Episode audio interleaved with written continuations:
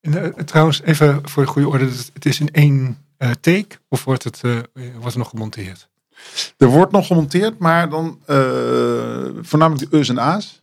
Ehm, en ik heb ook wel eens dat ik een zin verkeerd zeg of zo. En dan zeg- ik maar opnieuw. Dus het is, het is geen radio. die zin. Alright, ik lees zo even de introductie en dan gaan we beginnen. Welkom bij de Toren van Babel. Een maandelijkse serie binnen de Architectenweb podcast waarin we praten over hoogbouw. Mijn naam is Daan Roggeveen. Ik ben de founder van More Architecture. Ik heb tien jaar in Shanghai gewoond waar ik gefascineerd ben geraakt door hoogbouw.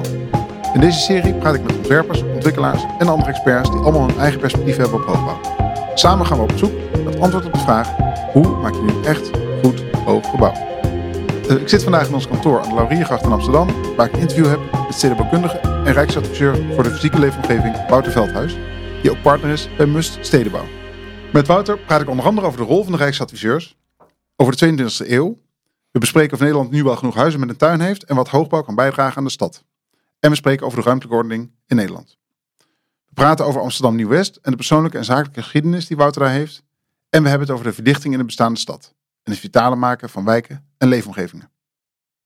Wouter, welkom. Leuk Ja. dat je er bent. Ja, dankjewel. Leuk om hier te zijn.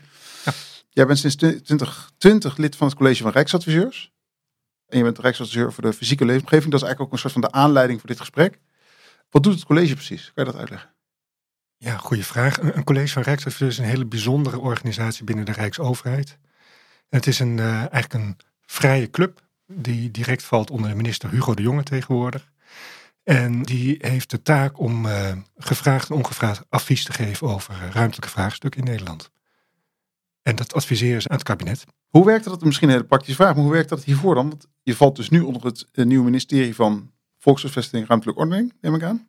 Ja, nou ja, een ingewikkeld verhaal. Er is natuurlijk een ministerie van Binnenlandse Zaken. Ja. En er is een minister van Volkshuisvesting en Ruimtelijke Ordening. Ja.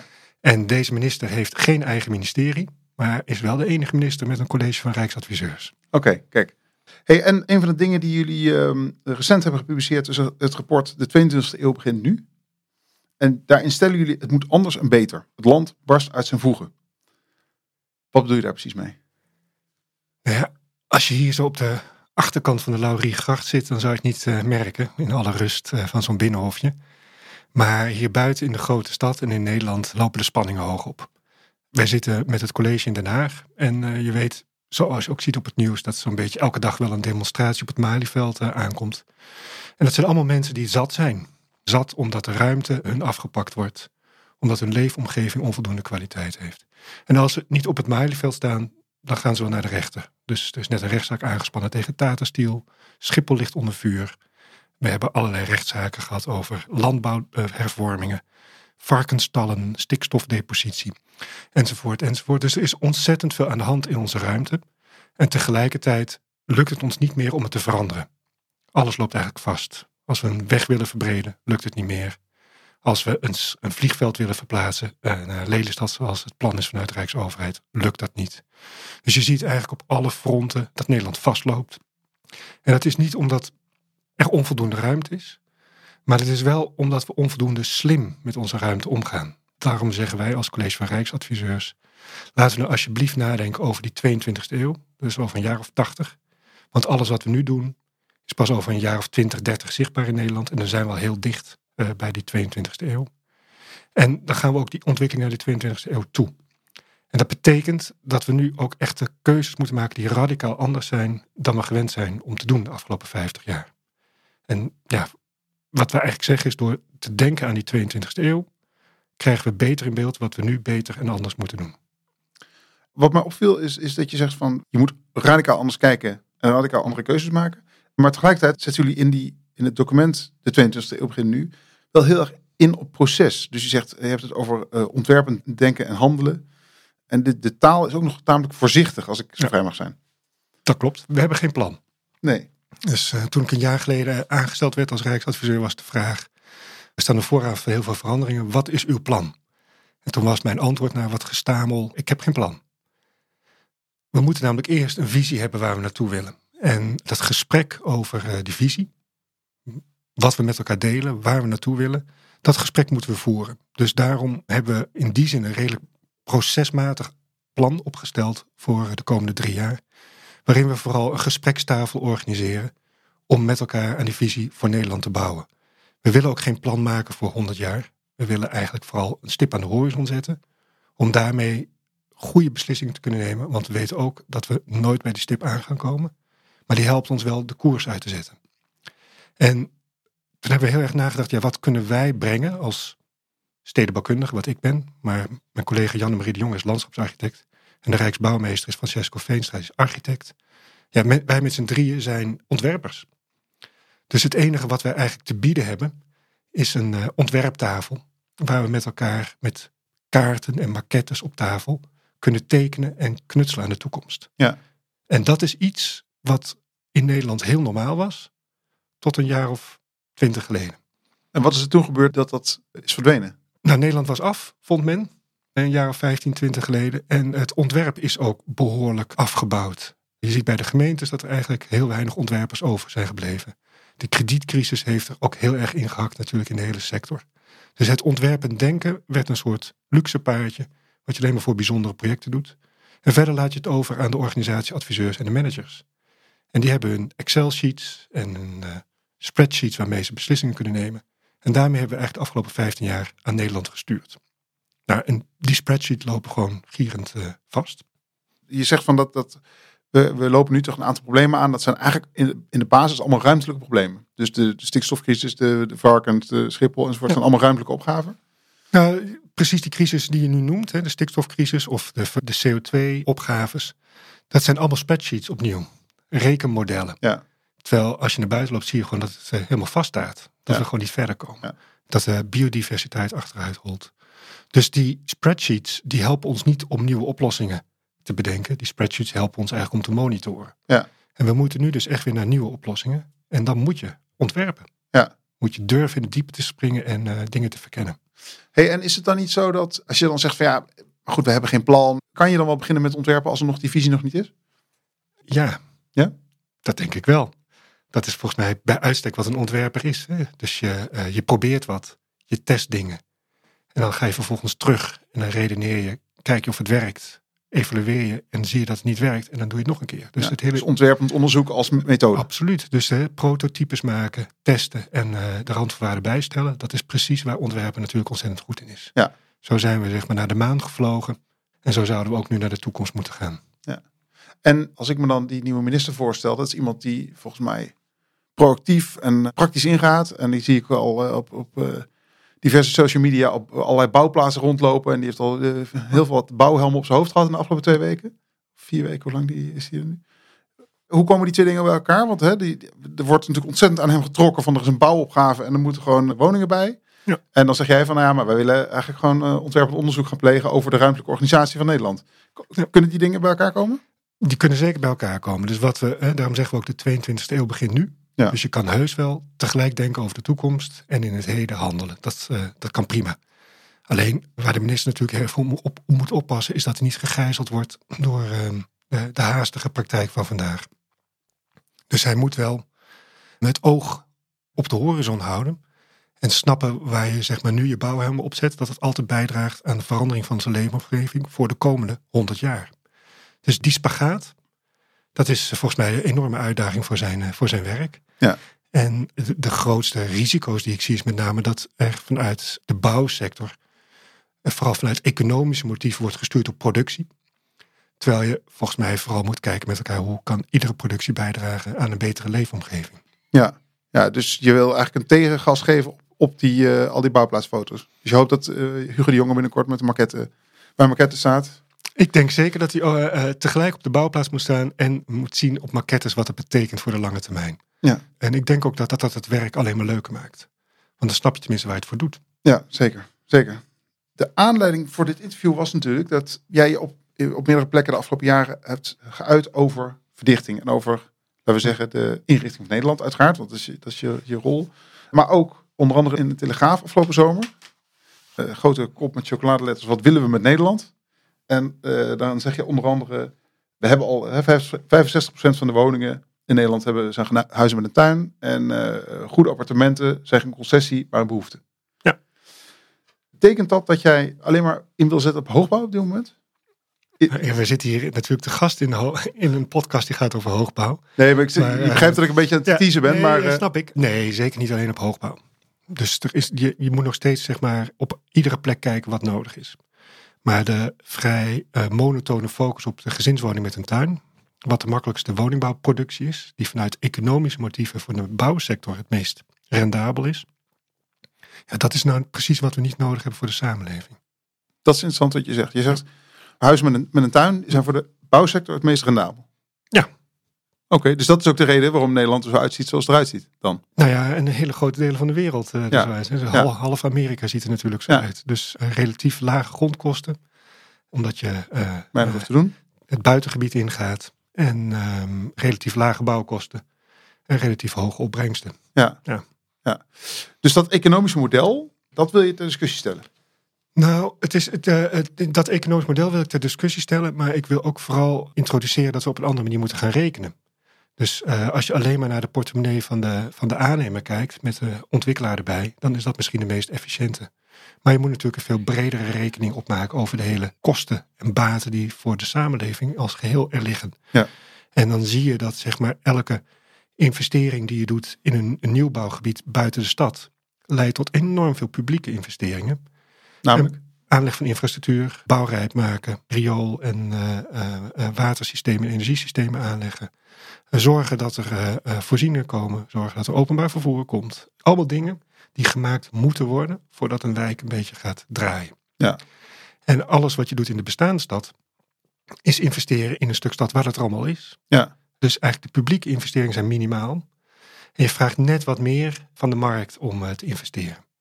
Maar dan zegt iedereen, dan zegt veel commerciële partijen, zegt ja, maar verdichten in de bestaande stad, dat duurt veel te lang, veel te ingewikkeld. Iedereen gaat procederen enzovoort. Dus dat is geen antwoord op de woningbouwopgave die er nu ligt. Ja. Dat, Haakje dat, sluiten trouwens. Haakje sluiten, ja, dat, uh, die quote ken ik. Ik ga bijna dagelijks zeg maar, door CBS-data heen, om, uh, gewoon omdat het leuk is om dingen te bekijken. En wat viel me nou pas weer op, dat in de westelijke tuinsteden in Amsterdam zijn er 19.000 woningen gebouwd, bijgebouwd in 15 jaar. En in Almere zijn er ook 19.000 woningen gebouwd. Maar dan in de uitleggebieden? In de uitleggebieden. Terwijl daar de ruimte zat is. Ja. En dan zie je dus even snel. En Almere is zeg maar een ontwikkelgebied zonder beperkingen, zou je bijna kunnen ja. zeggen. Ja. En de westelijke tuinsteden is allemaal in de bestaande buurten kleinschalig prutsen. En het is uh, uiteindelijk even snel tot 19.000 woningen gekomen. Als je het bijvoorbeeld vergelijkt met Eiburg, wat een beetje meer ingewikkelde uitleglocatie is. Eiburg heeft in diezelfde tijd maar 9 à 10.000 woningen gebouwd, minder. Ik zie uitleglocaties waar misschien het bouwproces zelf wel sneller gaat, omdat het een eenvoudiger bouwproces Ja. is. Maar om zo'n hele wijk van de grond te krijgen, ben je veel langer bezig. En sterker nog, eh, je moet ook mensen hebben die er willen gaan wonen. Ehm, en daar zit volgens mij de crux. Dus je kan wel zeg maar 100.000 woningen in Almere in één klap op de markt brengen.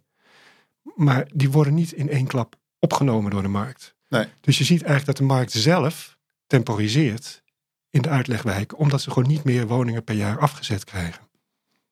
Dat is ook wel een interessante opmerking. Dat, jij, jij zegt dus eigenlijk, er zijn te, te weinig mensen die nog in die uitleglocaties willen, willen wonen. Nou, er zijn best uh, mensen die daar willen wonen, maar in tegenstelling tot uh, mensen in de bestaande stad, en mensen zijn natuurlijk in wezen hele conservatieve beesten. Uh, dus je eet wat je kent. Ja. En dat geldt ook voor je woonmarkt. Ja. Uh, het liefst verhuis je toch in een omgeving die je kent. Ja. Ik vind het heel illustratief bijvoorbeeld als je ziet dat mensen in Amsterdam die zeggen, ja, ik kan geen huis in Amsterdam vinden. Ik ga maar aan Haarlem zoeken. En dan vraag je van, maar uh, heb je dan ook in de Bijlmer gekeken? Of heb je in Nieuw-West gekeken? Nee, nee, dat heb ik overgeslagen.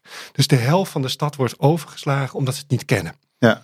Ja. En um, dat geldt precies voor een, een stad als Almere.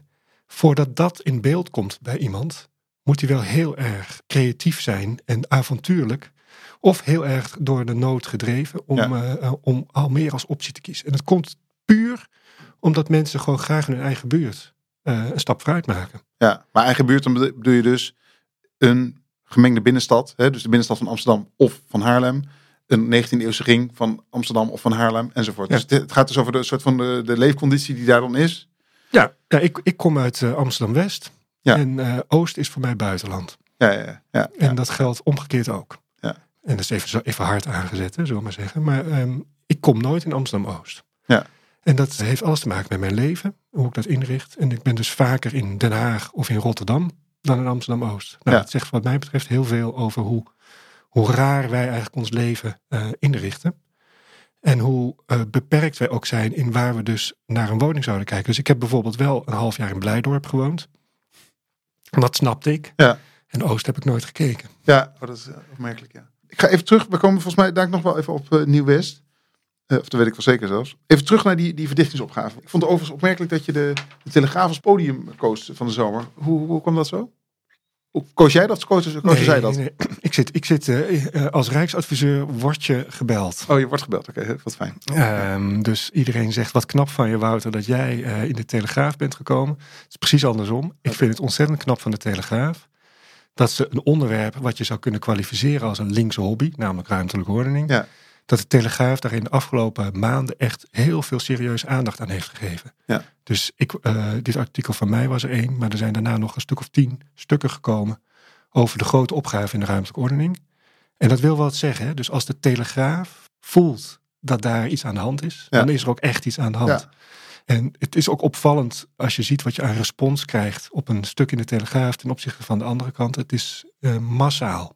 Ja, het, we, we- we kunnen zeg maar wel zeggen dat als indicator er is echt wat aan de hand, want de Telegraaf besteedt er veel aandacht aan. Nou, dat is eh, denk ik goed. Ja. Dat is goed nieuws, toch? Eh, goed nieuws dat het erkend wordt ook. Jij, even terug naar die, die verdichtingsopgave. Jij hebt een voorwoord geschreven voor de, het rapport Wonen op Hoogte. En daarin schrijf je, hoogbouw is een gespreksonderwerp dat een verjaardagsfeest in een slagveld kan veranderen. Maar je, je hebt het ook over dat hoogbouw lokale problemen kan oplossen en kansen kan creëren. Wat kan hoogbouw bijdragen wat jou betreft aan de stad? We hadden het net over die binnenstedelijke verdichting als Ja. kans voor, hè, of dus het feit dat je niet hoeft te investeren in die buitengebieden, je hoeft minder publieke middelen in te zetten. Maar kan je aangeven hoe binnenstedelijke verdichting juist die kansen kan, wat voor kansen het kan creëren? Nou, eh, ik denk dat hoogbouw bij uitstek een instrument is om eigenlijk veel mensen op een beperkte plek eh, te laten wonen of te leven of te werken. En dat betekent dus dat je de beschikbare ruimte die er is, die in de binnensteden of in, eh, ja, gewoon in de gebouwde gebieden beperkt is, dat je die maximaal benut. Ja. En omgekeerd geeft hoogbouw dus ook heel veel terug. Dus hoe hoger en hoe meer, hoe meer mensen er op een, eh, op een hectare zitten, hoe meer mensen er ook gebruik maken van de voorzieningen, de infrastructuur eh, in de directe omgeving. Dus het zorgt voor een enorme impuls voor het draagvlak in een wijk. En juist dat draagvlak is iets waar we denk ik de komende tien jaar ons enorm zorgen over moeten maken. Dus met de opkomst van de digitale detailhandel, de opkomst van flitbezorgers, eh, wat de laatste maanden een, een dingetje is, zie je gewoon dat eh, eh, de kwaliteit van ons leven in de buurt echt onder druk staat, omdat de detailhandel het ontzettend moeilijk heeft. Maar het gaat ook over scholen, basisscholen, middelbare scholen. Die hebben allemaal meer mensen nodig of meer woningen nodig om nog evenveel, ehm, om, om nog een goede omzet te kunnen draaien en open te kunnen blijven. En ik denk dat hoogbouw daar echt een hele belangrijke impuls aan kan geven. Op, op plekken waar het dun, dunnetjes begint te worden. Om te zorgen dat daar weer veel meer mensen komen te wonen die die voorzieningen gaan gebruiken. Ja, dus ruimte te creëren om dynamische steden te maken. Dat is eigenlijk wat je zegt. Ja.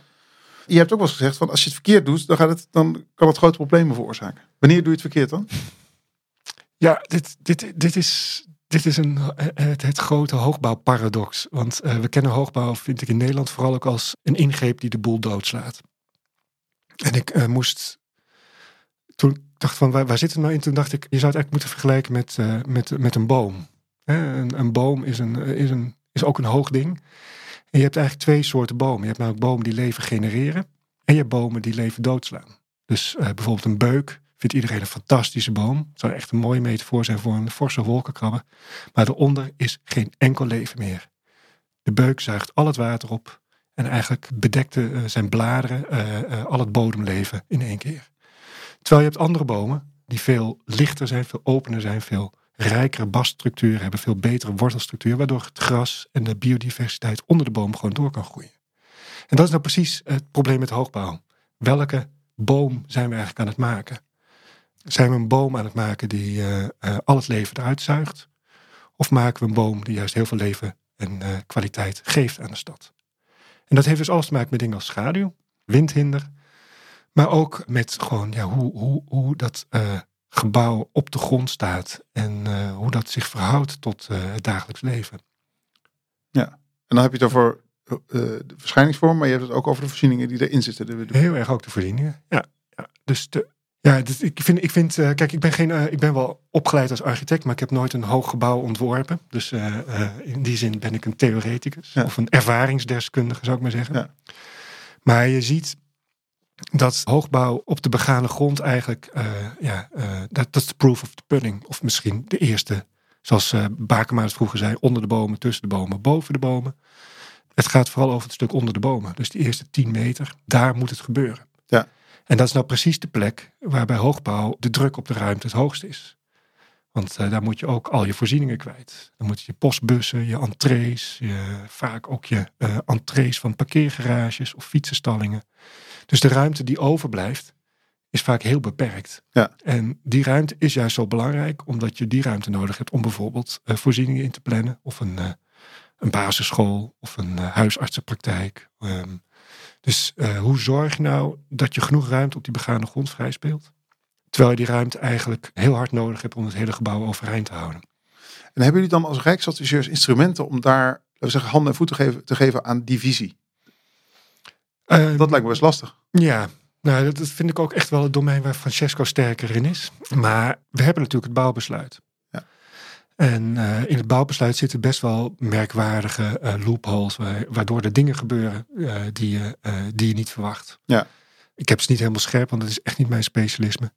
Maar ik heb wel van architecten gehoord dat je, als wij zeg maar stedenbekundig plan maken, dan teken je zeg maar op, op grond van esthetiek een bepaalde hoogte. En dan teken je bijvoorbeeld een gebouw van tien verdiepingen. Want echt hoger mag het niet met de omgeving. En dan komt de architect binnen en zegt, ja wat is dit nou voor onzin? als we hoger dan acht gaan, dan hebben we plotseling een partij uh, trappenhuizen en extra liften nodig. Dan moeten we gewoon door naar 14, 16 verdiepingen. Ja. En alles daartussen is, dat lukt gewoon niet. Het is niet meer rendabel. Dus dat soort omslagpunten in hoe de regelgeving eigenlijk stuurt op wat je moet doen in een gebouw. Ik denk dat het beste moeite waard is. En zo staat het volgens mij ook in het advies van wonen op hoogte. Om dat bouwbesluit weer eens af te pellen. Ja. En te kijken van, kunnen we dat niet slimmer uh, en beter organiseren? Ja, ja, met name die 70 meter grens. Hè. Dat is natuurlijk een ja. punt waar uh, uh, ook mijn gast van volgende maand, uh, Diederik Dam, al tegen geageerd heeft. Hè, van moeten we ja. die, nu houdt heel veel van de skylines in Nederland houden met, bij 70 meter op. Ja. Om die specifieke reden. Dat is natuurlijk heel opmerkelijk. Ja, nou ja, het, het, het, is ook wel weer cultuur, zou ik maar zeggen. Dus nee, ik denk dat je daar heel scherp naar moet kijken wat je anders kan doen. Maar het is ook wel weer aardig dat in ieder land hoogbouw er anders uitziet. En dat heeft natuurlijk met regelgeving te maken. Ja, ja. en geld. En geld, ja. ja. hey, je bent naast Rijksadviseur ben je ook ondernemer. Je hebt je eigen bureau, Must. Ja. Eind jaren negentig begonnen. Wat, wat is eigenlijk de oorsprong van jullie bureau? Hoe, hoe zijn jullie, hoe, je bent vanuit Delft daarmee aan de slag gegaan, begrijp ik? Ja, ja dus, um, toen wij in Delft studeerden was er weinig ruimte in het gebouw. Iedereen, uh, het was heel vol. En uh, wij merkten met een clubje studenten dat we graag uh, voor onszelf een ruimte wilden hebben. En we hebben toen een uh, antikraak op verschillende plekken in, in Delft ateliers gehad. Om elkaar te ontmoeten en te spreken.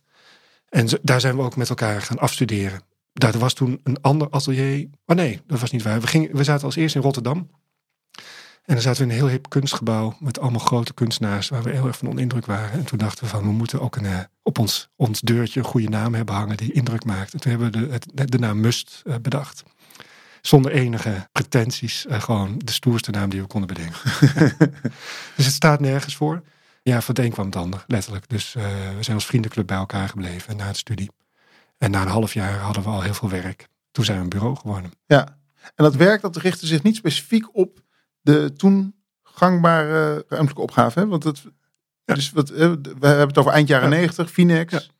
Nee, wij, hebben, uh, wij zitten echt in de, in, de, in de slipstream van de Super Dutch. Dus we hebben de boot gemist in die zin. Hè? Dus al onze grote voorbeelden die de, de wereld overgingen, die hadden alle, alle, alle klus al. Dus ook de grote Finex-locaties, die waren al verdeeld. En, die waren net vergeven allemaal, ja. Ja, ja. Daar werkt heel veel van onze vrienden aan die net afgestudeerd waren bij de gemeentes of bij andere bureaus. En wij zijn niet vanwege de markt, maar gewoon omdat het ons ook niet zoveel interesseerde, zijn we echt op die bestaande stad gedoken. Ja. En op Europa, op eigenlijk op twee schaalniveaus. We vonden Europa heel spannend. Want Ja. dat was eigenlijk net aan het ontstaan. Als munteenheid, Ryanair, of was het toen nog niet, maar EasyJet begon wel op te komen. Dus Europa begon echt als een leefomgeving te ontstaan. En tegelijkertijd waren we heel benieuwd hoe het eigenlijk in de bestaande wijken gaat. Waar heel weinig aandacht voor was op dat Ja. moment. Maar wat voor opgave werkt hij dan in die bestaande wijken? Nou, ik ben zelf eh, echt vrij snel na mijn studie begonnen aan eh, grote stukken van de westelijke tuinsteden in Amsterdam. Ja. Maar ook op andere plekken in Nederland, in Eindhoven eh, bijvoorbeeld, of in eh, Hengelo. En dus op allerlei plekken in Nederland zijn we met naoorlogse wijk aan de slag gegaan. Waar nu iedereen over praat, van daar ligt de verdichtingsopgave, Ja. waren jullie 25 jaar geleden dus al Ja. mee bezig. Ja. En ik heb hier, er liggen ook een aantal boeken op tafel, onder andere het Atlas West- Westelijke Tuinsteden en Nieuw-West Parkstad of Stadswijk. Onderzoeken die je hebt gedaan, Ja. onder andere met eh Hans Rijndorp en Ivan Nio. Kan je daar iets over vertellen, over die, zeg maar, die publicaties en de rol die die publicaties spelen in jullie ontwerpwerk? Nou, ik denk dat om te beginnen moet je oppassen dat je spreekt van jullie, want dit is echt van mij. Ja. Eh, want ik, ik ben geboren en getogen in de westelijke tuinsteden. Jij bent in Amsterdam Nieuw-West geboren. Ja. Ja, dus dit is echt wel mijn, eh mijn Domein. habitat. Ja. En ik geloof oprecht, nou dat is, eh, het is in, eh, in, aan deze tafel moet je ook vloeken in de kerk. Maar ooit vroeg iemand aan ons van, eh, wil je niet een groot project in China doen? En toen hebben wij gezegd, no way. Wij willen alleen maar aan projecten werken in de omgeving die we kennen. Ja. Waar we de mensen snappen. En eigenlijk heel dicht bij onszelf blijven. Dus het, het ervaren van je eigen leefomgeving als een belangrijke basis voor je handelen. Ja. Nou weet ik dat jij in China hebt gewoond, dus eh, je hebt die omgeving zelf daar ook ervaren. Maar ik, je moet ze de kost geven die op basis van een satellietfoto even zeggen wat een eh, stuk stad nodig heeft. Ik ben precies van de andere kant. Ik wil gewoon echt weten en doorvoelen wat die mensen nodig hebben. Ja. En dat betekent ook dat je eigenlijk alleen maar op plekken kan werken waar je ook de tijd hebt en de nabijheid hebt om met die mensen te praten. En daarnaast ben ik ook gewoon zelf bewoner. En ik verbaas me erover dat mijn vakgenoten en eh, mijn bestuurders nogal eenvoudig over de westelijke tuinsteden heen walsten. En eigenlijk niet afvroegen wat gebeurt daar. Ja. Dus de wijk werd weggezet in die tijd als slooprijp. En dan heb je dus over een wijk van 150.000 inwoners. Ja. Het is een hele grote stad in Nederland. Ja, zo'n anderhalf keer Delft of Leiden. Ja, ja. ja, en daar kan je niet van zeggen, deze stad is mislukt. Die gooien we weg, we beginnen opnieuw. Dat kan je van geen enkele stad zeggen. Ook mensen zeggen dat van Lelystad, kan je niet zeggen. Er zijn stukken in Lelystad die zijn heel goed. En er zijn stukken die zijn minder goed. Dus ik ben eigenlijk met Ivan Nio, die mijn buurman was op dat moment. Die woonde ook Eh, in Nieuw-West. Die woonde ook in Nieuw-West. Die kwam van de Lauriegracht, waar hij gek werd van de discobootjes. en eh, eh, die is eh, verhuisd naar Nieuw-West om wat rust te vinden. Ja. En samen ja, wandelden wij veel door Nieuw-West. En zagen we gewoon dingen waar we blij van werden. Ja, zoals? Turkse ondernemers die een supermarkt beginnen. Marokkaanse klusjesbedrijven in garageboxen. Maar ook studenten die de wijk intrekken en kunstprojecten beginnen van eh, de Rietveld Academie. Ja. Dus je zag gewoon heel veel gebeuren. Wat je niet terugziet in de statistiek. Maar wat je wel ziet als je gaat kijken en rondloopt. Ja. En ja, die wandelingen leidden eigenlijk tot een soort eh, dik boek. En daar was niemand in geïnteresseerd. Oh. Het ging niet over Phoenix, het ging niet over China, het ging niet over eh, de grote eh, hip en happening opgave. Dus we hebben uiteindelijk een uitgever gevonden na een jaar rondleuren met het eh, manuscript. En die zei, oh, dit vind ik wel een interessant onderwerp. Eh, eh, hier geef ik graag een boek over uit. Dus hebben, het boek was af en toen heeft hij hem eigenlijk gekregen. En wat schetst onze verbazing, het was echt binnen een half jaar uitverkocht. Vervolgens is er nog een tweede druk van gemaakt. Ja. Nou, het is een redelijk obscuur boek. En als je dan bedenkt dat daar een tweede druk van is Ja. gemaakt, dat is echt onvoorstelbaar. Dus er was een latente behoefte aan die manier van kijken. Ja. En ik denk dat dat wel heel erg typeert hoe wij werken. Die manier van kijken is eh, waar wij beginnen. Dus kijken naar de plek zelf. Proberen te begrijpen wat bewoners doen. Ja, meeleven, letterlijk. Ja. Dus nooit disqualificeren. Ja. Altijd snappen dat iemand in een probleem heeft of een kans heeft, maar nooit eh, zeggen eh, jij bent mislukt. Ja. Het is een heel particulier ding, maar ik ben ook een tijd lang buurman geweest van de familie Tokkie. Ja. Ik kan me dus echt mateloos irriteren aan dat mensen weggezet worden als tokkies. Ja. Dat, zijn, dat is gewoon een familie. Ja. Uit Nieuw-West. Dat is een familie die het heel moeilijk heeft. Ja. Waar we in het verleden heel goed voor proberen te zorgen. Met goede sociale woningbouw en ook begeleiding. En waar we tegenwoordig van zeggen, die mensen zijn gek en zijn mislukt. Waar we grappen over maken. En die we nu wegzetten als een, als een begrip. Terwijl het mensen zijn die aandacht en zorg nodig hebben. Ja.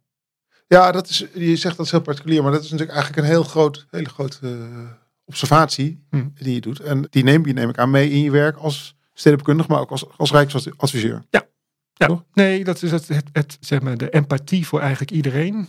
Dat iedereen zit met zijn sores en dat je daar een begrip voor moet hebben Ja. in plaats van te disqualificeren.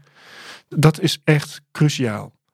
Dus ook als iemand dakloos is, niet gaan zeggen dat je een dakloos bent, maar afvragen waarom is hij dakloos. Ja. Ook daar, moet je, daar gaat het dan weer makkelijk één kant op, namelijk we, mensen zijn dakloos omdat ze geen betaalbare woning hebben. Maar er zijn ook mensen dakloos omdat ze gewoon dakloos willen zijn. Ja, dat is Kan ook. motivatie. Ja. Ja.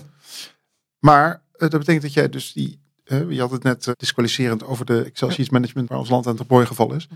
Dus je wil niet alleen het ontwerpen inzetten, maar ook, laten we zeggen, empathie en sociologie in je vakgebied. Nee, dus die, die boeken waar je het net over had, over de westelijke tuinsteden, heb ik nadrukkelijk met een sociaal geograaf gedaan, Ivan Nio. En Arnold Reindorp is natuurlijk ook een belangrijke denker op het gebied van eh, stedenbouw en Ja. sociale structuren. En ik denk uiteindelijk, alles wat wij doen, zonder heel erg deterministisch te willen zijn, maar alles wat wij doen, beïnvloedt onze leefomgeving. En dat is een sociaal stelsel. Ja. Dus ik vind dat wij ons heel erg rekenschap moeten geven van eh, op het moment dat we iets bouwen, dat we het leven van mensen veranderen. Hey, nou, nou zei je net al een paar keer van, ik, ik ben geboren in Nieuw-West en ik ben daar opgegroeid. Vertel eens wat meer over, want je- dat is natuurlijk eigenlijk ongelooflijk dat je, weet je, je woont nu nog steeds in Nieuw, Amsterdam Nieuw-West. Ja, Ja? Dus je een heel leven lang op één plek. ja, Met een uitstapje van een paar maanden naar Blijdorp, hoor ik net. Maar... Ja. En je hebt in, in dat stadsdeel op meerdere plekken gewoond. En je hebt het ook ongelooflijk zien veranderen, neem ik aan. Nee, toen ik daar opgroeide, was het de meest gewilde wijk van Amsterdam. Wachtlijsten van 14 jaar om daar te kunnen wonen. Ja. Stap vooruit uit die vieze Jordaan en eh, die akelige staatsliedenbuurt. Dan hebben we het En- over midden jaren 70, eind jaren 70. Ja, in de jaren 70. Ja. Ja. En eh, toen, eh, toen was het oorlog in de stad met de krakersrellen en de drugs en alle toestanden hier. Dus het was gewoon vies en vuig in Amsterdam. En Nieuw-West was een opgeruimde, prettige burgerlijke, burgerlijke wijk. Ja. Of stadsdeel. En het heeft mij echt verbaasd hoe in, in- eigenlijk in vijf à tien jaar tijd dat eh, heeft kunnen omslaan van eh, eh, ja, de, de, de toekomst naar een mislukt verleden. En dat is heel kort. En wanneer is dat? Kan je, kan je aanwijzen wanneer dat gebeurt? Dat is eigenlijk precies gebeurd in de tijd dat ik in Delft studeerde. Dus, Dus, jaren, begin jaren 90. Ja, begin jaren negentig kantelde het. En eind jaren negentig was iedereen het over eens. Slopen en opnieuw beginnen. Dat heeft heel erg te maken natuurlijk met bevolkingssamenstelling. De eerste generatie die eh, definitief de wijk uittrekt of overlijdt omdat ze heel oud worden. En grote groepen, nieuwe bevolkingsgroepen die erin komen. En spanningen die dan ontstaan. Ja. Dus dat proces zie je al- altijd in alle wijken. Dat heb je daarna in de Vensterpolder gezien. Dat ga je eh, nu steeds meer zien in gemeentes als Nieuwegein of Zoetermeer. Uit de jaren 70 en 80. Horen speelt het nu heel erg. Dus je hebt verschillende, ja, elke keer is een nieuwbouwwijk vrolijk en eh, fris. En op een gegeven moment loopt het leeg. Ja. En komen er andere mensen in en dan zijn er zettingsverschijnselen. En dat is eh, prima. Maar dat heb ik dus van dichtbij meegemaakt. En eh, dat is heel gek om dat te ervaren. Ja. Hoe je eigen stadsdeel, waar je van houdt, waar de mensen wonen, waar je mee op school hebt gezeten, waar de winkels zitten, waar je altijd naartoe ging, ja, plotseling gedisqualificeerd worden als eh, niet meer van deze tijd. Ja. Dat is heel gek. En het is ook gek omdat het, wat je eerder al zei, een soort van toonbeeld van moderniteit was op allerlei manieren. Niet alleen in termen van architectuur, maar juist ook de planning ervan. Hè. Nou, Ja. eh, Van Eesteren is natuurlijk eh, bekend. Maar ook het, toch het idee dat hoe modern het leven kan zijn bijna. Ja. En, Ja. en dat, dat is dan plotseling achterhaald. Ja, ik, ik denk zelf dat het wereldbeeld waarmee deze wijken zijn gebouwd, ja, dat, dat wereldbeeld bestaat niet meer. En zou je dat wereldbeeld kunnen omschrijven? Er is een mooi gedicht eh, door, ik ben even zijn naam kwijt, maar die, die dichtte veel over de wederopbouwwijken. En die eindigt met de zin, en om ons heen bruist het volle leven. En het idee dat de toekomst aan ons allemaal is, dat de hele wereld een avontuur is waar je van wil genieten, dat alles kan, de groei onbegrensd is. Dat gevoel, ja, dat is natuurlijk in de jaren negentig keihard gestruikeld. Want de bui- Op die plek. Want het gekke is, de rest van, van Nederland was in de jaren negentig de groei wel omgrensd. En het idee wel dat alles kon. Ja, maar Dus- die gevaarlijke wereld, die kwam vooral binnen in deze wijken natuurlijk met veel goedkope sociale huurwoningen. Ja. Maar juist de grote migratiegroepen binnentrokken. Ja. En die brachten dingen mee die helemaal niet zo spannend en veilig waren, maar juist eh, gevaarlijk en avontuurlijk. Ja. Andere eetgewoontes, andere culturele eh, patronen. Plotseling gingen er eh, groepen jongens op straathoeken hangen. Ja. Nou, dat was niet het idee van om ons heen bruist het volle leven. Ja, ja, ja. Dus de, ja, en, en daar merk je dat, dat, dat is natuurlijk wel interessant. Die wijken zijn zo goed doordacht met de principes van de jaren 50 en 60 in gedachten. En ook die samenleving. Dat het zich heel moeilijk verhoudt tot een andere samenleving. Dus het is echt een maatpak voor een, voor een, ja, een manier van leven die er niet meer is. Hoe kijk je daar als stedenbouwer tegenaan? Dat, moet dat maatpak dan versteld worden? Of, eh? Als liefhebber van architectuurhistorie vind ik dat er eigenlijk niks mooiers is ontworpen dan eh, de westelijke tuinsteden. Maar als eh, stedenbouwkundige denk ik toch dat je moet accepteren dat er dingen in, heel veel dingen in zitten die gewoon niet meer werken. Nu. Zo, zoals bijvoorbeeld? Uh, nou, de uh, behoorlijk onbepaaldheid van wat nou openbaar is en wat privé is. Wij leven in een wereld waar je vanuit je privédomein wel alles in de wereld toegankelijk wil hebben.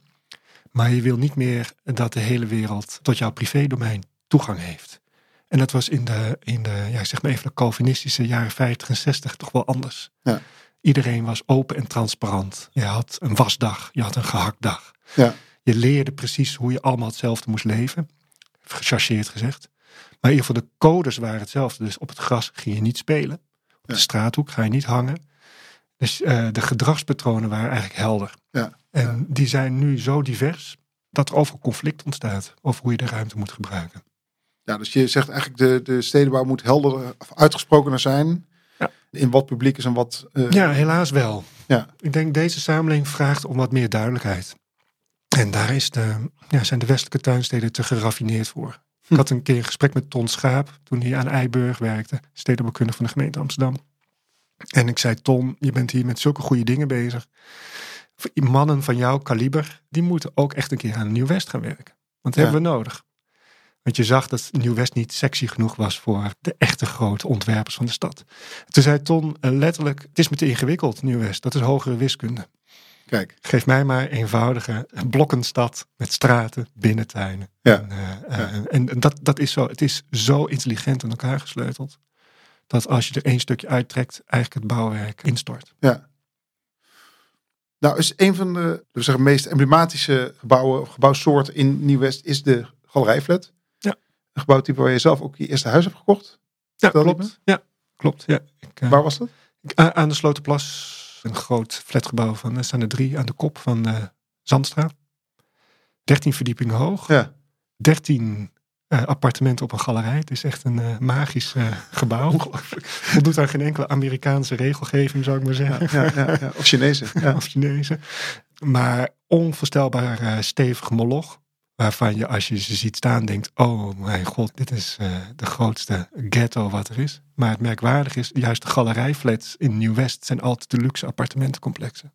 Dat is opmerkelijk, ja. Ja. Dus de, En hoe komt dat? Waar, waar heeft dat mee te maken? nou, eigenlijk toch de beweging die je nu ook weer ziet. Dat met name de, de meer hoogopgeleide en meer welvarende mensen. En ook de meer alleenstaanden. In die tijd eh, als een doelgroep werden gezien die vooral goed in een galerijflat eh, paste. Dus de gezinnen gingen de portiekjes in. En eh, de laagbouw in. De senioren gingen in die kleine kabouterhuisjes die er toen Ja, werden ja. gebouwd. Bloebendorp en zo. Ja. Ja. En ja, een beetje de succesvolle middenklasse, die kocht een appartement in, eh, in een galerijflat. En die galerijflats die staan overal in Nieuw-West op hele strategische plekken. En vooral ook rondom de Slotenplas. En dat zijn dus eh, relatief dure, maar op Amsterdams prijsniveau goedkoop tegenwoordig. Ja. In die tijd relatief dure koopflats. Ja, ja. En wat was jouw overweging om juist daar eh, je eerste huis te kopen? Het, stond in Nieuw-West Ja, aan de Slotenplas. en je wilde daar zeker blijven? Ik wilde daar graag blijven, omdat het gewoon domweg ook dicht bij eh, het station zit. Aan de Slotenplas, uitzicht op de plas. Fantastisch. Ik had toen ook een zeilbootje in het jachthaventje liggen. Dus stel je nou voor, hè, je woont in een, eh, in een flat en je loopt je flat uit en je pakt je zeilbootje en je gaat de plas op. Een Ja. mooi, mooi leven bestaat niet. Nee, hè. nee. Daar is volgens mij Nieuw-West dus voor ontworpen, voor dat, dat genot.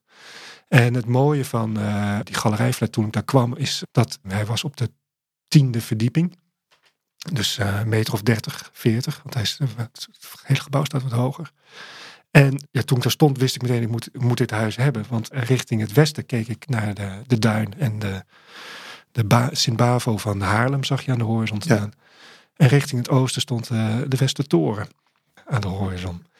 fantastisch uitzicht. Ja. Dus zeg maar zo'n centrale plek in de stad, dicht bij het station, dicht bij de snelweg, dicht bij de winkels. En tegelijkertijd fantastisch uitzicht op eigenlijk wat deze regio zo mooi maakt. Namelijk de binnenstad van Amsterdam op fietsafstand en de, en de duinen aan de horizon. Ja. Dus midden in de MRA eigenlijk. Ja.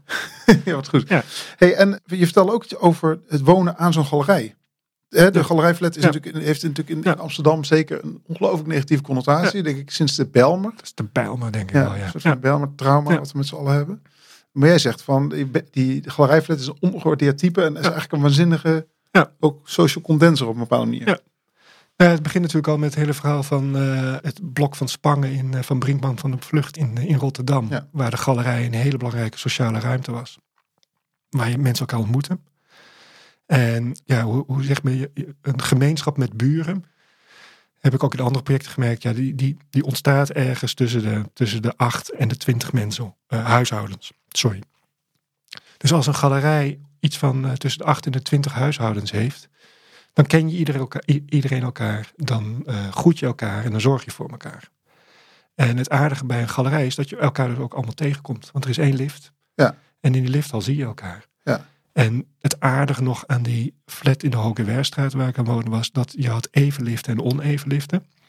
Dus van die 13 verdiepingen had je ook nog twee communities eigenlijk. Namelijk de mensen van de even verdiepingen die elkaar tegenkwamen in de ja. lift. En de mensen van de oneven verdieping. En je kende elkaar, eh, de even mensen en oneven mensen kenden elkaar eigenlijk niet. Zou je kunnen zeggen. Oh, dat is grappig. Ja, Want die kwamen elkaar niet tegen in de lift. Dus die liftruimte, de lifthal, de galerij, dat zijn eigenlijk hele mooie sociale ruimtes waar je elkaar le- eh, leert kennen en, en, en samenleeft. Wat er bij de Bijlmer natuurlijk mis is gegaan, is dat, dat die galerijen zo lang werden en de, ja, de lifthallen zo groot, dat je elkaar niet meer kent. Je weet niet meer waar je woont. Ja. En dat is precies ook wat ik soms wel heel moeilijk vind aan de moderne hoogbouw. Die vaak zeg maar met een kern is, waar eh, rondom eh, woningen zitten. Dat je ook niet meer kan zeggen, dat huisnummer zit daar. Ja. Dat is wel fijn aan een galerijflat. Je kan gewoon zeggen van, nou, ik woon op de tiende verdieping, dat huis. ja, je kan je huis nog aanwijzen. Je kan je huis echt aanwijzen en eh, uittellen. En ik zie, ik zie nu bij mij in de buurt waar ik woon staan prachtige torens. Maar als ik nou iemand wil aanwijzen waar die woont, dan kan ik dat niet meer. Dus dat vind ik nog wel eens moeilijk aan moderne eigentijdse hoogbouw. Dat ze ja, heel moeilijk ontleedbaar zijn in wooneenheden. Terwijl ik dat nog wel een soort basisbehoefte vind vaak van mensen. Dat je kan zeggen van, eh, Daar is mijn huis. dat is mijn huis. Ja. Dat is gek. Bij galerijflats kan dat eigenlijk heel goed. Ja, ja. En die galerij zelf, dat is zeg maar, er wordt natuurlijk heel veel over geklaagd, maar kan dus in die zin ook een plek zijn waar mensen elkaar tegenkomen en misschien zelfs een sociale plek. Ja. Werkte dat zo? Ja, bij ons op die galerij werkte het zeker zo. Niet, moet je niet al te veel bij voorstellen dat we gezellig gingen borrelen of zo. Maar Ja. ja, de vertrouwde vreemdeling is een eh, mooi begrip. Dat is degene die je eigenlijk altijd op straat of in de lift tegenkomt. Ja. En daarnaast je bekende buren. En die bekende buren woonden op die galerij. Ja. Dus die, ja, de, eh, die flats konden overigens beter hoor. Die galerijen waren vrij smal. Ja. Waardoor iedereen toch wel de neiging had om zijn woning, zijn, zijn raam aan de galerij af te sluiten met, eh, met plakfolie of eh eh, luxeflex. Dus ik, ik ken betere complexen waar de galerijen ruimer zijn of op afstand. Ja. Waardoor eh, mensen ook wat meer georiënteerd zijn vanuit hun woning op de galerij. En ik zelf woonde aan, net aan het stukje waar ik geen doorloop had. Dus ik had, eh, in bij mijn galerij had ik gewoon alles open. Ja, ja. Dus dat was een soort eh, toeval. Ja. Omdat je aan het eind zat. Maar die, ja, ik vind die kwaliteit, die onderschatten we. En ik denk ook dat het, het beeld van de galerijflat echt wel een herwaardering zou mogen krijgen. Zie nog steeds als er nu zeg maar een, een spannende politieserie wordt opgenomen. Dan wordt die ook vaak in Nieuw-West opgenomen. En dat is Ja. altijd zo lekker rough. Ja. Eh, en dan vaak als het gaat over eh, echte drugscriminaliteit, dan komen die flats. Ja, ja, ja. En denk ik altijd van nou, dat zijn best dure koopflats. Dus associatie daarmee wordt ge... Oké. Ja. Maar je zegt eigenlijk, die galerijflat mag ge- geherwaardeerd worden. Is dat ook een oproep aan marktpartijen om te zeggen, ontwikkel weer eens een galerijflat in plaats van een eh, toren rondom een kern? Nou, volgens mij moeten we veel moeten gevarieerd blijven bouwen. En ja. je ziet nu wel dat het bon ton is om vierkante torentjes op te trekken. Vierkante blokkendozen zelfs hè, Ja. tegenwoordig. Ja. Dus wat meer variatie zou zeker geen kwaad kunnen. En ja, wat ik het ontzettend mooi vind aan een galerijflat, als je hem goed neerzet, is dat gewoon alle woningen 100% ideaal georiënteerd zijn. Aan de tweede zijde licht. Ja, Uh, en dat kan je vaak bij die uh, kernontsloten hoogbouw niet zeggen. Is toch 30% is uh, vaak de Sjaak ja, aan de, de achterkant. Ja, ja. ja, Nou, dat die oproep is duidelijk. Hey, we hadden het eerder al eventjes over de verdichting van een bestaande stad. Je vertelde net van Nieuw-West is de afgelopen 15 jaar zijn er 19.000 woningen bijgebouwd. Ja. Ehm, nou, sterker nog, er zijn 19.000 woningen toegevoegd. Ja. Maar als je daar ook nog de sloopnieuwbouw van de bestaande woningen bijvoegt, dat, uh, ja, dat, dat, is een rekensom die veel te ingewikkeld is om zo snel te doen. Maar je kan er volgens mij wel van uitgaan dat er misschien wel iets van 25.000 woningen zijn uh, bijgebouwd in totaal. Dus de bouwproductie is aanzienlijk hoger geweest nog. Ja, en dat is dus eigenlijk een beetje onverhoeds gebeurd. Dat is, daar is niet een groot uh, masterplan ligt aan het grondslag van we moeten uh, verdichten in de meer in de zin van daar zit geen rijksprogramma achter. Er zit nee. niet een. Uh... Nou ja, de, het was natuurlijk Vogelaarwijk en aandachts, aandachtswijk. Ja. Dus het heeft wel flink gedraaid op verbetering van uh, de leefomstandigheden in de wijk. Maar er zat niet een Phoenix-achtige push achter? Nou, het aardige is, er zat een, uh, een push achter in de zin dat er geïnvesteerd moest worden in de leefkwaliteit van de wijk. Ja. Dus zorgen dat er meer kansen zijn voor de mensen die er wonen. Zorgen dat de leefkwaliteit beter wordt. Ja. En het aardige is dat het eindresultaat is geweest dat er meer woningen zijn gebouwd. Maar aan de voorkant was dat niet het plan. Nee. Het is meer het resultaat dan dat het bedacht is van tevoren. Ja. Maar dat wil dus ook zeggen dat verdichting uiteindelijk moet gaan leiden tot verbetering van leefkwaliteit. Nou, nou, andersom nog. Je gaat zeg maar aan de slag in zo'n wijk. En op een gegeven moment komt er toch een verdienmodel. Waar je van afvraagt van ja, hoe gaan we dit betalen? Ja. Dus we willen een beter park. We willen een betere winkelstraat. We willen betere woningen. In verschillende prijscategorieën. En als je dan zeg maar gaat uh, rekenen, dan kom je er toch altijd op uit dat je wel iets meer terug moet bouwen uh, dan er stond. Ja. Om dat uh, rekensommetje kloppend te krijgen. Dus het is met name de logica van een haalbaar plan, die ertoe geleid heeft dat er meer woningen zijn teruggekomen. Ja, maar jullie hebben daar ook een onderzoek aan gewijd, toch? Aan die verdichtings... Ja. Ja, ja. opgave is het niet echt, maar meer de verdichtingsrealiteit bijna. Nou, wat, wat heel aardig is, de, er zijn veel mensen die nu een pleidooi houden voor we moeten uh, meer in de bestaande stad bouwen. Ja. En dan zeggen anderen, ah, dat kan niet. Ja. En, uh, dat, dat, zijn de, dat zijn de twee kampen, bij ja, spreken. Ja. Ja. En, en dan krijg je elke keer de discussie van, uh, kijk, deze architect laat zien dat het kan. En dan zie je een schets van nieuwbouwwoningen op, een, op een moeilijke hoek of zo. En dan zegt de ontwikkelaar, oh, dat is veel te moeilijk, kan niet. Ja. Dus wij dachten van, ja, dat, dat als college van Rijksadviseurs, dat, dat, dat gesprek, dat is niet productief, omdat iedereen het over de toekomst heeft en eigenlijk niemand weet wat de toekomst brengt. Ja. Dus laten we eens terugkijken in dezelfde periode. Dus als we 15 jaar vooruit kijken, zegt een er kan heel veel en de ander zegt er kan niks. Dus laten we 15 jaar terugkijken wat is er eigenlijk gebeurd. En ik kom zelf dus uit die westelijke tuinsteden, dus ik wist dat er in mijn leefomgeving heel veel is veranderd ja. en heel veel is toegevoegd. Maar ik wist eigenlijk ook niet precies of dat nou in de rest van Nederland ook gebeurd is. Ja. En iedereen heeft het ook over Rotterdam, waar veel gebeurt op Zuid. En juist in Rotterdam-Zuid is heel erg verdund. Is het zo? Ja, er is namelijk bewust gestuurd op het verwijderen van uh, portiekwoningen en zorgen dat er meer eengezinswoningen komen. Om andere bevolkingsgroepen een kans te geven. Ja, ja dus het woonvolume is misschien gelijk gebleven, maar het aantal woningen is gedaald. Ja, nou, misschien, het aantal woningen is absoluut gedaald. Um, en het woonvolume misschien ook wel. Dat geldt bijvoorbeeld trouwens ook voor Krooswijk, Nieuw Krooswijk. Ja. Um, nee, gewoon de vernieuwing van Krooswijk zelf. Ja. Dus in Rotterdam is een bewuste politiek gevoerd op het weghalen van goedkope sociale huur en het terugbouwen van duurdere marktsegmenten in grondgebonden milieus. Om de gezinnen aan de stad te. En die twee kende ik heel goed. Ja. Dus ik was wel nieuwsgierig van hoe zit het nou in de rest van Nederland? Dus we hebben een onderzoek gedaan waarin we heel statistisch hebben gekeken van welke buurten. Dus we hebben ook gedefinieerd wat een buurt is. Dus we hebben niet naar industriegebieden gekeken. Ja, wat is een buurt dan, uh, volgens die definitie? Ik weet het niet meer precies, pin me niet op vast. Maar volgens mij hebben we gezegd iets van 65 tot 70 procent moet woningbouw zijn, wat er al staat. Van gebouwd volume. Ja. ja. Ja. Dus daarmee vallen eigenlijk alle uh, industriegebieden weg, alle haven uh, ja, transformaties. Ja. Duidelijk niet, geen transformatiegebieden, maar echt Precies, bestaande gebieden. echt uh, bestaande gebieden. En toen bleek dat als je dan een scan doet van waar in Nederland is er dan woningvoorraad toegevoegd, dat dus in totaal iets van duizend buurten zijn in heel Nederland. En dat is echt van het kleinste dorp in Drenthe tot de grote steden. Waar 10 tot misschien wel, of een aantal keren zelfs meer dan 20 procent aan bouwvolume, nee sorry, aan woningen is toegevoegd. Ja.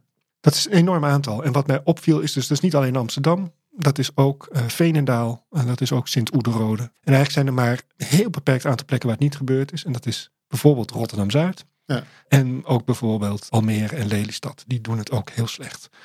Als het gaat over benutten van de bestaande buurten.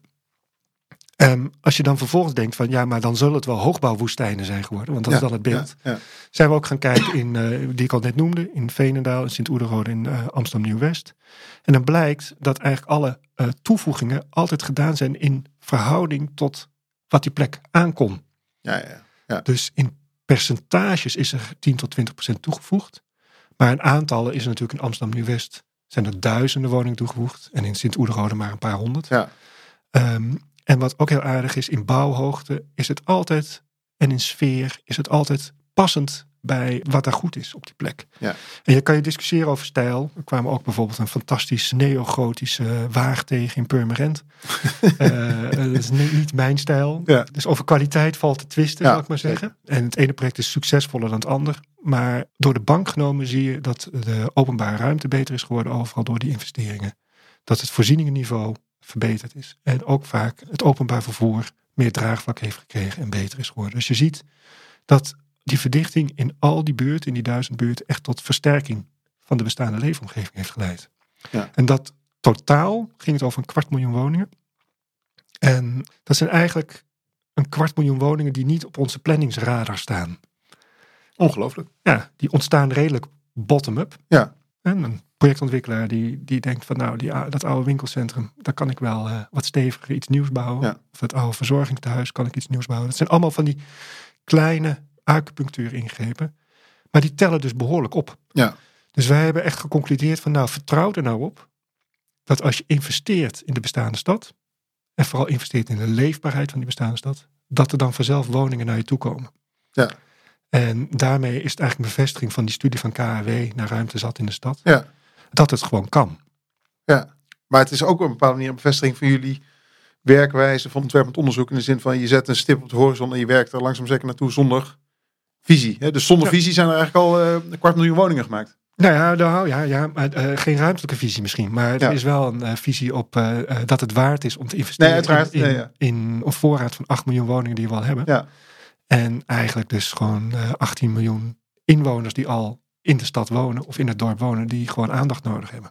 Nee, ik chargeer uiteraard. Maar het, wat ik meer wil zeggen is het, is, het, blijft opmerkelijk dat er niet een ruimtelijk plan klaar lag Ja. vanuit top-down. Want je zegt eigenlijk dit komt compleet eh, Ja. bottom-up. Ja. Dus dat, dat is dus al een soort van omdraaiing die al aan de hand is in het land dan. Ja, en, en door de crisis heen ook. Hè? Ja, Dus eh, ja, van op 2005 tot 2020 hebben we gemeten. Dus toch acht jaar daarvan is eh, diepe ellende geweest Ja. in de bouwsector. Zeker. En dan zie je dat vooral die bestaande stad doorgaat. Dus die grote uitleglocaties vallen stil. Ja. Maar de bestaande stad die bouwt door. Want ja, het is altijd wel een reden om het beter te krijgen. Ja, nou, wat een waanzinnige conclusie. Dan heb ik nog een laatste vraag voor je. We zijn in deze podcast op zoek naar de vraag: hoe maak je nu een echt goed hoog gebouw? Goeie vraag. Ik denk, laat, laat ik het zo zeggen, ik vind dat een hoog gebouw vooral heel erg dienstbaar moet zijn aan de stad. Dus ik ben enorm wars van eh, skylines, eh, stadscomposities, waar je hoogbouw heel precies gaat neerzetten. En eh, hoogbouwzonering vind ik ook echt een heel akelig ding. Ik denk dat je op iedere plek steeds moet kijken, wat past hier? En past hier ook een hoog gebouw? En wat ik graag zou willen, is dat hoogbouw kort en goed altijd doordacht wordt van top tot teen. En dat ook op van top tot teen andere oplossingen vraagt. En wat mij heel erg stoort aan eh, veel hoogbouw die nu ontworpen wordt, is dat die van top tot teen identiek ontworpen is. Terwijl ik denk dat op, op dat maaiveld moet een hooggebouw tactiel zijn, moet het menselijke materialen en details hebben. En daarbovenin mag het abstract en grafisch worden. Ja. En ik zie eigenlijk altijd, dat is niet waar altijd, maar ik zie heel veel dat zeg maar de, eh, het grafisch beeld van de top tot aan eh, de voet wordt doorgezet. En dat levert gebouwen op die eh, eigenlijk als een soort maquette in je handen voelen als je de deur opent. Ja. En ik zou willen dat hoogbouw op de, juist op dat maaiveld als een echt gebouw voelt. En niet als een maquette die mooi eh, ontworpen is in de top. Maar beneden eigenlijk in elkaar geklust is met kit en dichtingsrubber en standaard gevelbeplating. Dankjewel, Wouter Veldhuis. Hm. Goed dat je hier was. Graag gedaan. Deze podcast werd mede mogelijk gemaakt door Stichting Hoogbouw en verschijnt op het platform van Architectenweb. Mijn naam is Daan Roggeveen. Ik maak deze podcast samen met Lieven Heremans. Muziek werd gemaakt door mijn broer Job Roggeveen. Volg deze podcast via je eigen podcast-app. Reacties kun je sturen naar hoogbouw.more-architecture.com. Volgende maand heb ik een gesprek met architect Diederik Dam. En met Diederik praat ik onder meer over industrialisatie van hoogbouw. Tot volgende maand.